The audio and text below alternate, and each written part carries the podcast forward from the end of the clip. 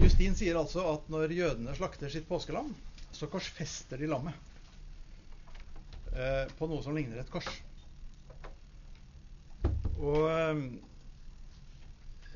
jeg ble jo veldig nysgjerrig på det der, fordi Joakim Jeremias i sin bok om samaritanernes påskefeiring Den eneste form for påskefeiring som fortsatt pågikk på Justins tid, og som pågikk på Garisimfjellet. Og Justin vokste opp i Nablus, ved foten av Garisim. Så han var jo tett på samaritanernes påskefeiring. Jødene sluttet i år 70, ikke sant? for de måtte, kunne bare slakte påskelammet i tempelet. Men samaritanerne fortsatte. Og har fortsatt til i dag. Og fortsetter stadig. Um, så jeg tenkte jo at dette må være noe Justin har sett. Det er ikke noe han har lest i tekster, men det er noe han har sett. Og så sier Joakim Jeremias i sin bok om, eh, om samaritanernes påskefeiring at det der med, med, et kors, det må være feil. De spidde lammet med en langsgående stokk. Langsgående spidd. Men det er ikke noe tverrtre på dette spiddet.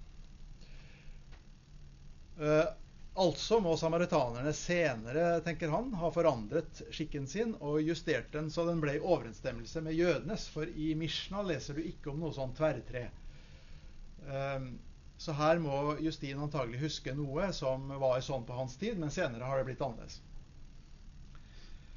Det syns jeg ikke hørtes særlig sannsynlig ut. At samaritanerne skulle justere seg i forhold til sine dødsfiender. Og særlig på et tidspunkt da dette bare fantes i tekster blant jødene og ikke var i praksis lenger, for de slaktet jo ikke påskelam. Det kan jo umulig ha vært sånn. Med andre ord, hva kan det ha vært Justin så? Og det gjorde meg da veldig nysgjerrig på hvordan ser det ut nå? Hva gjør de nå?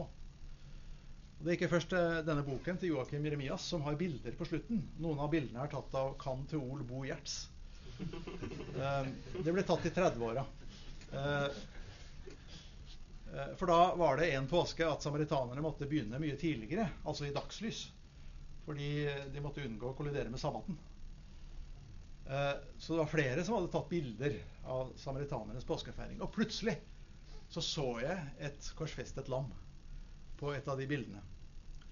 Og ble veldig nysgjerrig på eh, hva, hva, er det som foregår her nå. For det, så vitterlig sånn ut som det var hengt opp med bakbeina eh, på et tverrtre. Så jeg fikk eh, en god venn av meg til å oppsøke samaritanernes påskefeiring og ta noen slides. Og han sa til meg etterpå Oskar, det var et masse Golgata oppå der, sa. Eh, det som skjer, er at eh, når lammet skal spiddes etter at det er slaktet, så står det to menn og holder en tverrstang. Så binder du bakbeina opp i tverrstangen, og så er det en tredjemann som spidder lammet eh, loddrett Eh, bakfra og ut gjennom munnen. Eh, og når du ser dette fra avstand, som du må regne med at Justin gjorde, så ser det grangivelig ut som lammet er korsfestet. Og jeg tenker meg at det var akkurat det som skjedde. Justin sto der kanskje som guttunge eller, eller ung mann og skuet dette på litt sånn avstand og litt sånn skal vi si, fryktblandet fascinasjon av det som skjedde. Uh, og har altså, Dette har prentet seg på hans netthinner at uh, jødene korsfester påskelammene når de slakter dem.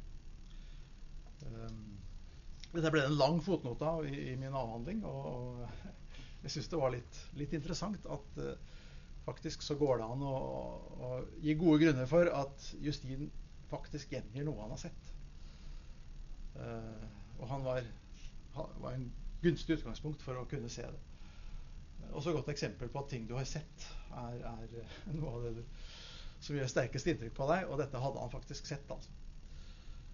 Um, så det er sånt, sånne, sånne små snacks som man uh, av og til er heldig nok til å liksom oppdage. Og, og, og, um, og, det er morsomt å plutselig se sånt i en, i en gammel tekst. Du, du, føler du kommer på en måte veldig tett på fortidig virkelighet gjennom, gjennom sånne ting. Ja, det var det.